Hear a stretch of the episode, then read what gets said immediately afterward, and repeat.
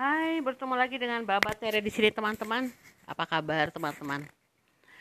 Uh, kali ini Baba mau bercerita tentang sesuatu yang tidak pernah Baba bicarakan sebelumnya dan uh, ini sesuatu yang baru disadari hari ini tentang COVID-19 dan vaksin ya. Jadi Bapak selama ini nggak mau bicara soal itu karena dalam hologram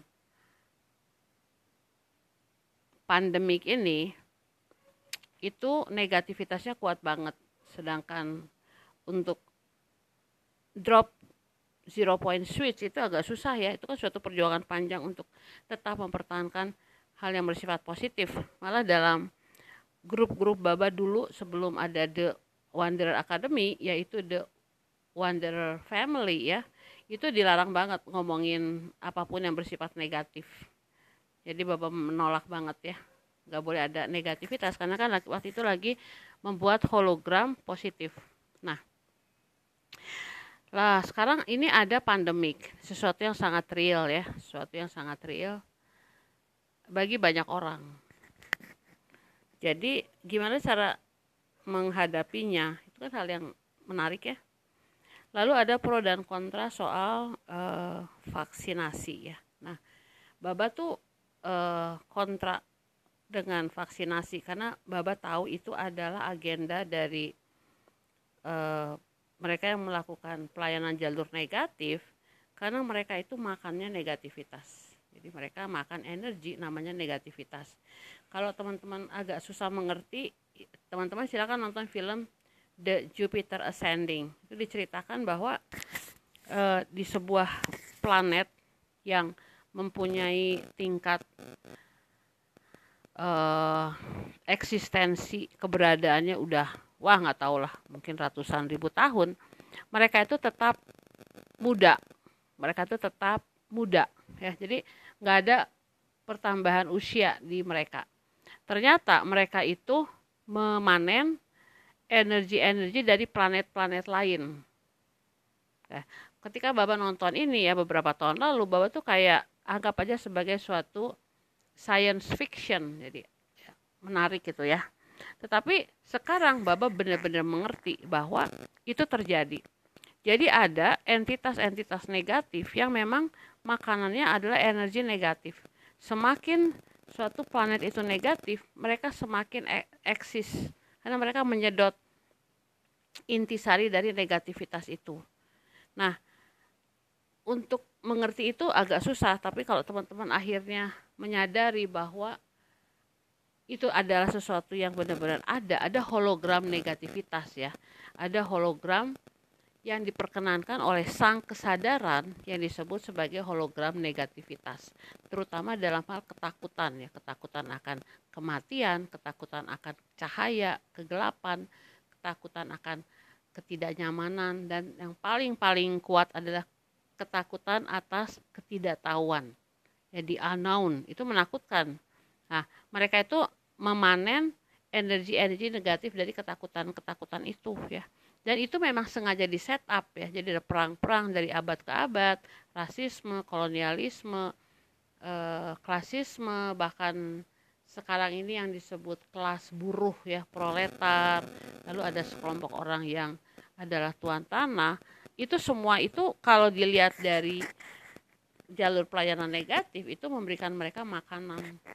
Karena negativitas itu membuat mereka bisa mengontrol orang lain. Manipulasi yang paling-paling tidak terlihat adalah manipulasi energi ketika orang-orang itu menyedot energi dari penduduk bumi atau dari sesama. Nah, oke. Okay. Jadi dalam hal ini ada kontradiksi, ada yang pro dan ada yang kontra penyuntikan ya. Yang saya yakini bahwa penyuntikan itu akan membuat uh, pengikatan DNA sehingga akhirnya kita kembali ke sistem ketakutan itu. Karena kan vaksinnya sendiri sudah membuat kita takut ya. Di ketakutan itu akan membuat dan akan dibuat lebih besar besar besar lagi. Nah bagaimana mengatasinya? Karena ini ternyata beberapa anggota dari grup saya itu uh, harus melewatinya. Dan lalu saya mulai melihat dari sesuatu yang mungkin bukan kacamata kita tapi kacamata semesta. Teman-teman teman-teman pernah nggak mendengar kata mutant? Ya kalau teman-teman penggemar film X-Men itu di film X-Men itu berseri-seri ada banyak banget seri. Ya yang paling keren itu adalah Wolverine karena dia itu ada di perang tahun 1700, 1800, 1900 ada dia. Dia itu awet muda, dia nggak bisa menua ya. Karena dia itu adalah mutant. Apa sih mutant? Mutant adalah perubahan dari sel sel-sel tubuh yang tujuannya untuk beradaptasi dengan lingkungan ya jadi pada zaman dulu pada zaman dulu banget ya itu yang paling mempengaruhi kehidupan makhluk organisme adalah matahari. Nah matahari itu mempunyai kekuatan yang sangat-sangat e, besar sehingga makhluk-makhluk pada awal pembenihan bumi itu tinggal di air karena air melindungi dari sinar matahari.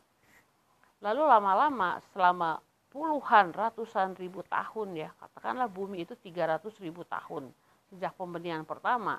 Jadi selama ratusan tahun itu terjadilah mutanisasi. Artinya apa?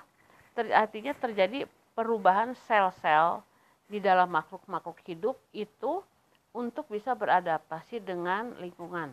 Contohnya nih, contohnya misalnya pada zaman dulu itu ada binatang-binatang seperti misalnya beruang ya. Beruang itu warnanya hitam. Kenapa? Karena mereka itu beradaptasi selama puluhan ribu tahun untuk memakan mangsanya. Nah, untuk bisa memakan mangsanya, untuk bisa bertahan hidup, itu mereka harus gelap sesuai dengan warna malam, sehingga sebagai predator mereka bisa menangkap mangsanya dengan cepat ya nah pada suatu masa itu ada perubahan dari uh, matahari jadi ketika mereka mulai mengalami masa-masa bahwa mereka itu dipengaruhi oleh matahari, maka gen mereka harus bermutasi.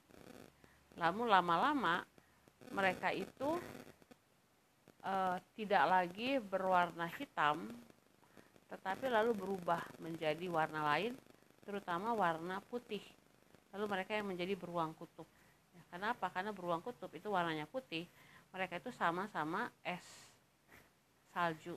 Jadi kalau mereka menjadi predator mereka bisa menangkap mangsanya karena mangsanya nggak lihat warna mereka. Putih. Jadi ada perubahan selama ratusan ribu tahun di mana ada perubahan warna. Dari hitam coklat menjadi putih. Nah, itu namanya mutasi. Mutasi ini adalah sesuatu yang memang harus terjadi. Kenapa? Karena setiap makhluk hidup di bumi itu harus beradaptasi dengan lingkungan. Ya. Lalu adaptasi mulai terjadi juga dalam hal manusia. Jadi mereka yang tinggal di tropik daerah-daerah tropik ya kayak Afrika itu mereka lalu beradaptasi dengan matahari lalu menghasilkan gen dengan e, kulit yang berwarna gelap. Itu tidak terjadi pada kumpulan manusia yang hidup di negara-negara dengan empat musim. Mereka harus beradaptasi sehingga pigmen mereka itu menyesuaikan diri dengan lingkungan sekitarnya.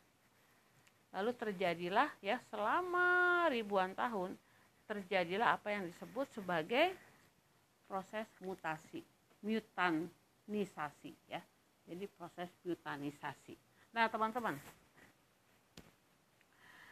Jadi ada per, ada beberapa proses mutasi muta, mutian, mutanisasi ya. Ada yang genetik, ada yang kromosom dan ada yang genomik. Nah, yang genetik itu adalah kalau si mutas mutasi itu hanya mempengaruhi satu gen di dalam DNA.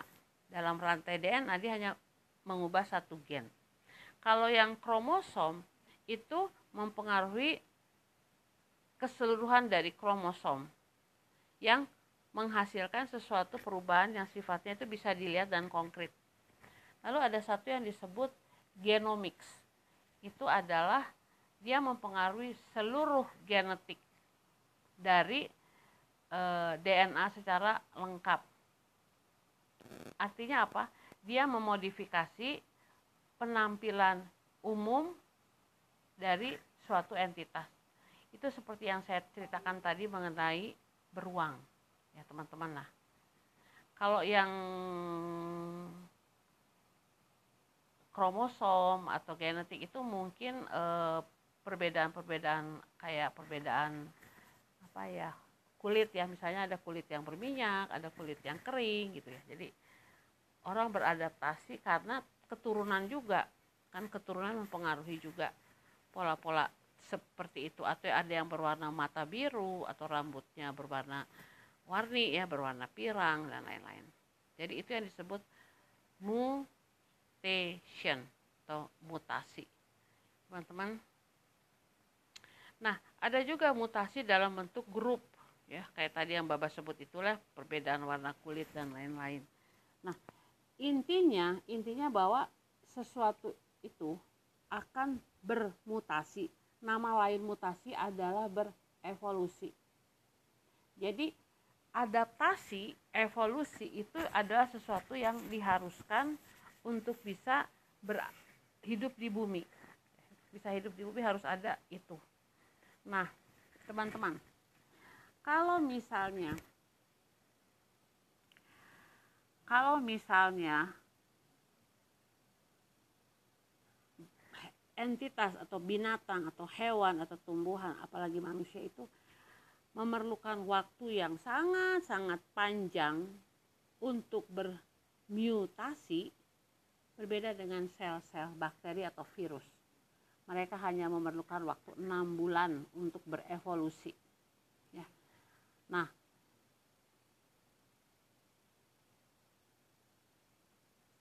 gimana caranya menghadapi virus yang kita sebut virus COVID-19 ini ya?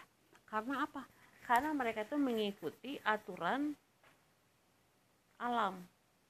Mereka juga beradaptasi untuk hal-hal yang baru. Itu selama setiap enam bulan. Nah, makanya lalu kebijaksanaan vaksinasi itu dilakukan seperti itu. Ya, hanya untuk vaksinasi ini belum ada ketentuan dari uh, misalnya dari kalau di Amerika itu FDA ya kalau uh, lembaga yang mempunyai otoritas untuk mengatakan sesuatu itu sudah layak diperuntukkan bagi umum atau tidak itu belum ada peraturannya. Lalu akhirnya dipengaruhi oleh keadaan politik dan lain-lain. Nah kita hidup di suatu masa atau era di mana kita juga tergantung secara ekonomi politik sosial dan lain-lain dengan uh, dalam konteks pemerintahan. Jadi kita juga kadang-kadang sebagai warga negara nggak punya kemampuan untuk menolak itu. Ya teman-teman ya. Nah ini yang jadi pemikiran saya bahwa gimana caranya untuk mengerti tentang eksistensi uh, vaksinasi. Ya gini teman-teman.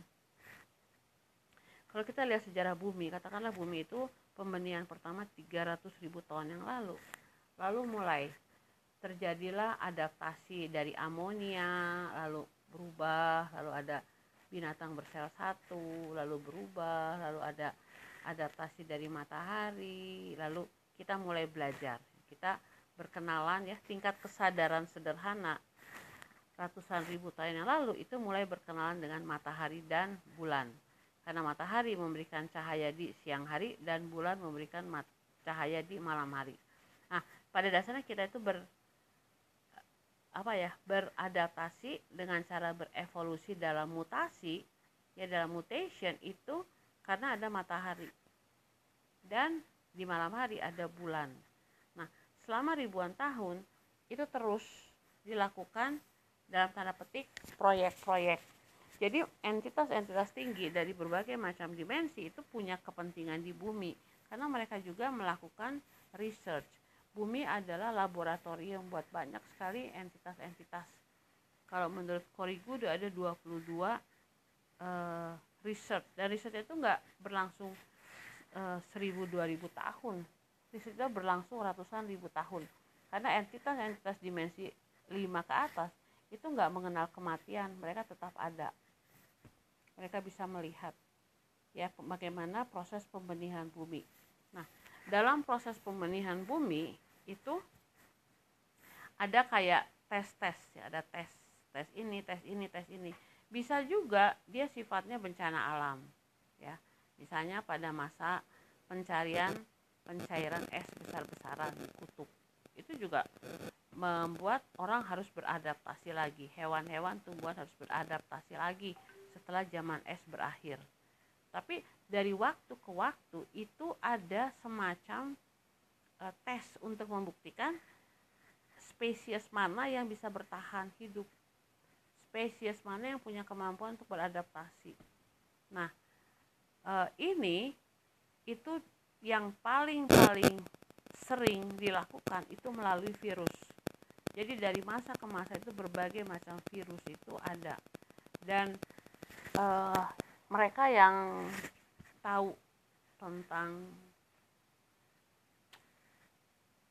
perputaran adaptasi virus dan bakteri itu lalu buat banyak sekali percobaan-percobaan. Nah, percobaan-percobaan ini dia tidak bisa uh, tidak bisa mendapatkan hasilnya segera dia ber, ber apa bisa membutuhkan waktu puluhan tahun sampai ratusan tahun untuk menemukan bagaimana suatu vaksin itu bisa mempertahankan hidup manusia ya. Jadi kalau kita cerita tentang penyakit pes dulu ya di London lalu nanti ada difteri di Eropa lalu ada penyakit malaria ya malaria nanti ada penyakit-penyakit lain. Nah jangan melihat adaptasi bumi itu sebagai sesuatu yang berhubungan dengan moralitas ini enggak ada hubungannya dengan moralitas. Ini hanya hubungannya dengan bertahan hidup. Dan kita semua ada di sini karena bumi bukan karena kita ya.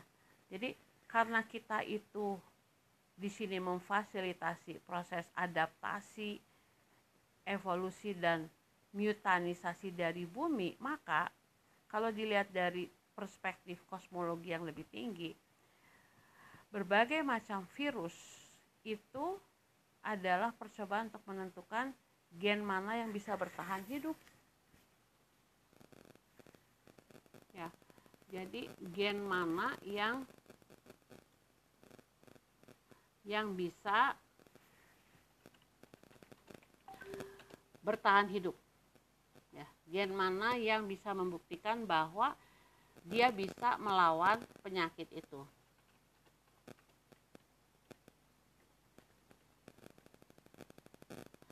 nah kelihatannya kejam banget ya kelihatannya kejam banget tetapi ketika Baba memikirkan ini hari ini, lalu Baba sadar bahwa kalau pilihan saya, karena saya kan nggak bekerja untuk institusi mana pun, maka saya punya pilihan gimana caranya supaya nggak divaksin gitu ya. Karena saya tahu resikonya apa. Tetapi bumi itu sedang melewati apa yang disebut sebagai percobaan uh, menemukan cara yang paling tepat untuk bisa melewati pandemi ini. Mau nggak mau, ada korban-korban yang harus menjadi bagian dari ini, mungkin kontrak jiwa mereka, sehingga akhirnya bumi mengetahui vaksin apa yang paling tepat untuk misalnya corona. Ya, kelihatannya sangat-sangat uh,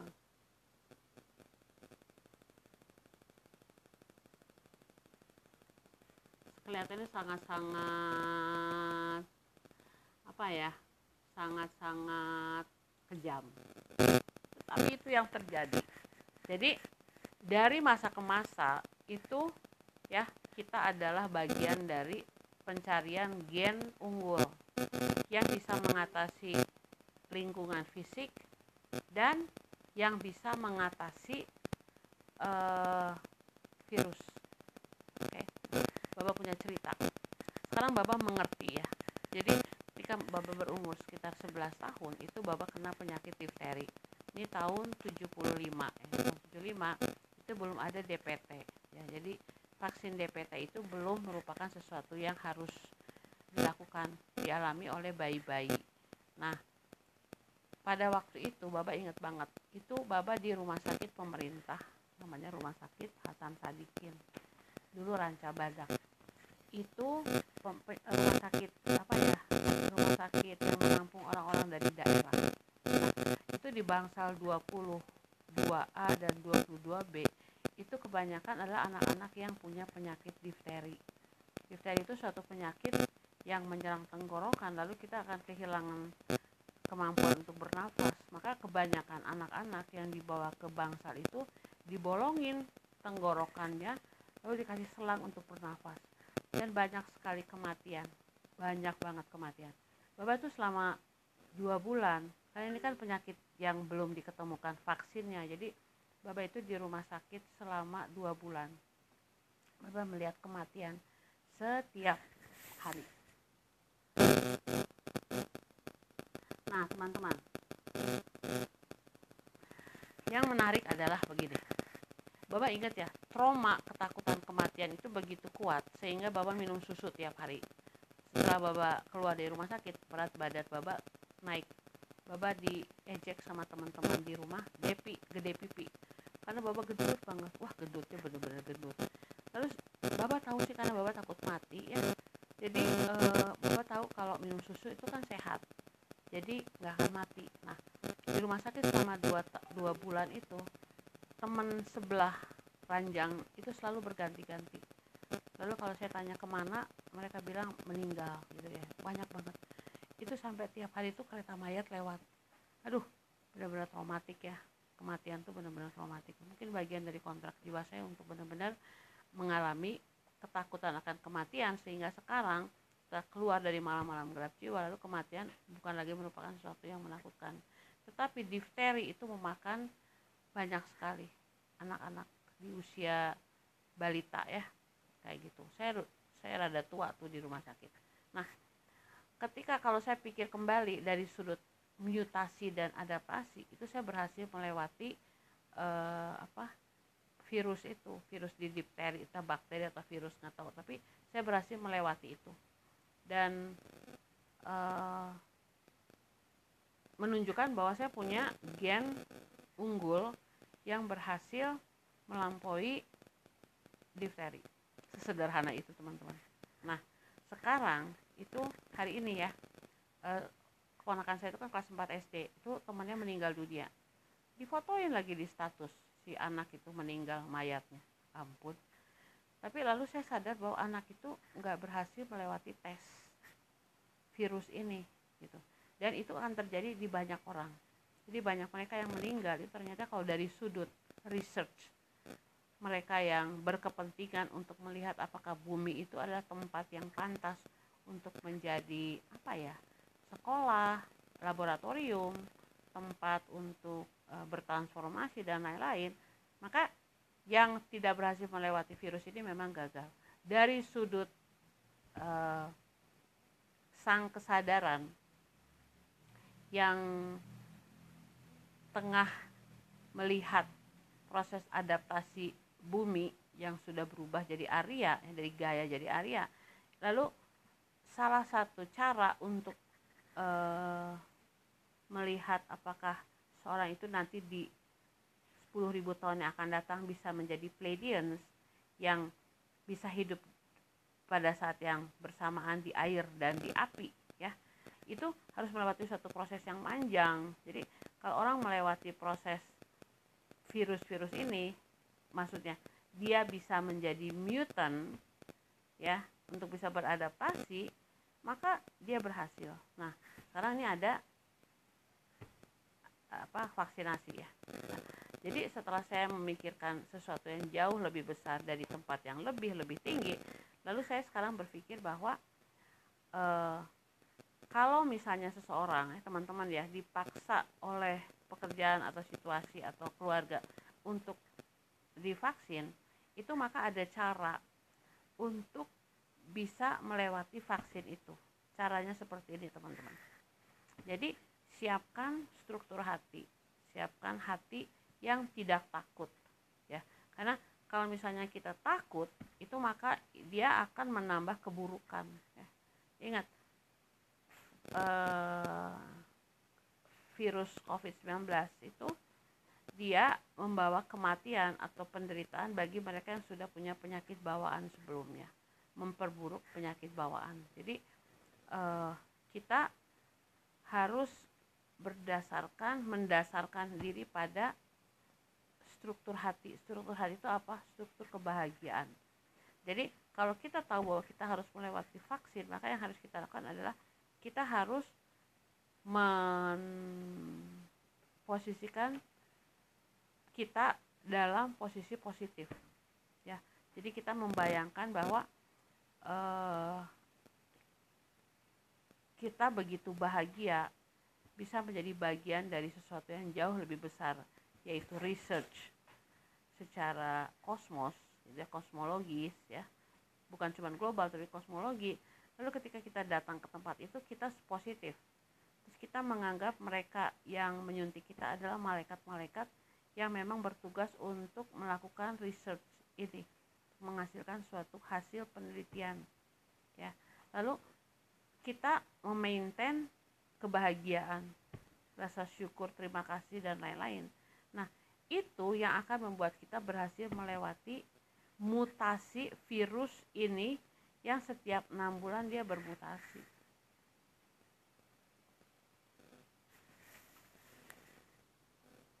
Ya jadi ini yang disebut sebagai mutation. Mutation bagi hewan tumbuhan manusia itu berlangsung lama mutasi bumi itu berlangsung lama banget ya. 300 ribu tahun menghasilkan gaya berubah jadi Arya dari dimensi 3 menjadi dimensi 5 nah kita manusia yang katakanlah hidup sampai umur 90 tahun paling lama itu kita juga bermutasi. Artinya gen kita itu harus bisa beradaptasi dengan virus yang baru virus yang terus bermutasi setiap enam bulan sekali. Nah, kita menjadi bagian dari riset itu. Maka kalau kita menjadi bagian dari riset itu, yang harus kita lakukan adalah kita memakai kuantum struktur. Jadi kita tidak menjadi korban dari negativitas, tetapi kita mendrop ketakutan kita, mendrop hal-hal negatif yang mewarnai perasaan kita, pikiran kita, kita masuk ke zero point berterima kasih pada virus-virus ini karena membantu proses mutasi bumi. Pusatnya adalah di area di bumi. Lalu kita hening baru setelah itu kita switch ke hal-hal yang positif. Jangan mau disuntik sebelum kita bersifat positif. Ya itu yang akan membuat kita mampu melewati mutasi virus. Gitu teman-teman uh, tapi kalau ada pilihan sih ya terserah ya.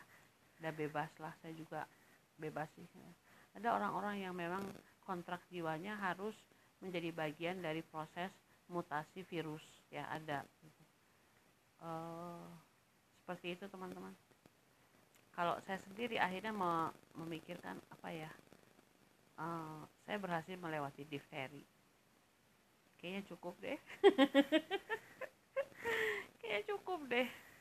Oke teman-teman jadi itu adalah video kali ini. Uh, bukan suatu topik yang baba pilih ya tetapi baba harus mendongeng. Ini kan dongeng sebenarnya cuma dongeng sih. Jadi ini dongeng anggap aja dongeng tentang uh, kesepakatan dari uh, light worker, dark worker, star seed wanderer yang menjadi bagian dari mutasi, transmutasi ya, transmutation bumi. Dan virus itu bukan sesuatu yang baru ya bukan sesuatu yang baru jadi jangan lihat jangan lihat masalah ini dari sudut moralitas ya jangan lihat masalah bumi sebagai laboratorium atau sebagai sekolah dari sudut moralitas etika enggak dia adalah bagian dari bagaimana mencari gen-gen yang unggul untuk akhirnya 10.000 tahun yang akan datang bisa menjadi Pleiadians, Arcturians dan lain-lain. Oke teman-teman, jadi uh,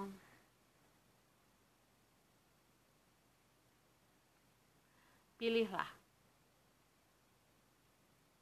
Pilihlah. Pilih yang terbaik. Dan setiap hari kita itu mengambil keputusan. Kita punya pilihan. Nah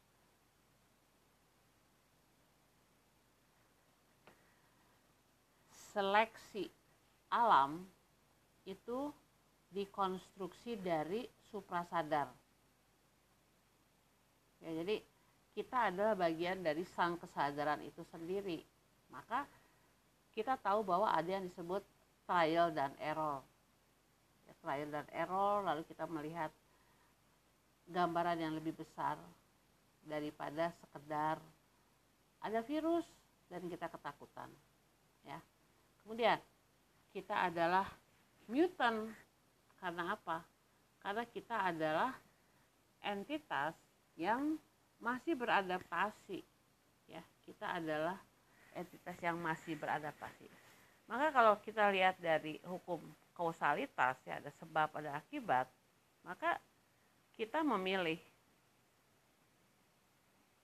Kita memilih apa yang akan kita lakukan mau divaksin mau enggak nggak apa-apa. Tapi kalau akhirnya divaksin maka pilihlah jalur positif. Kita masuk melalui struktur hati kita melakukannya dengan struktur kuantum kita biasa pakai metode drop zero point switch. Itu masih tetap ya. Kita drop ketakutan-ketakutan itu lalu kita masuk ke zero point bersyukur lalu kita dapat deh kita menjadi bagian dari sesuatu yang jauh lebih besar yaitu adaptasi mut mutanisasi dari Mother Earth.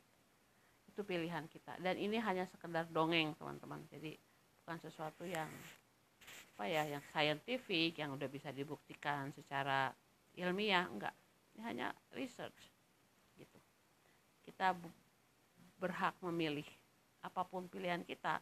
Kalau kita melakukannya dengan struktur kuantum maka dia akan menghasilkan suatu data baru dan data ini ditangkap oleh semesta bahwa salah satu cara untuk bisa mengatasi mutanisasi dari virus itu adalah dengan masuk dalam struktur kuantum positif. Oke, sampai sini saja teman-teman. Sampai jumpa lagi di obrolan berikutnya. Namaste.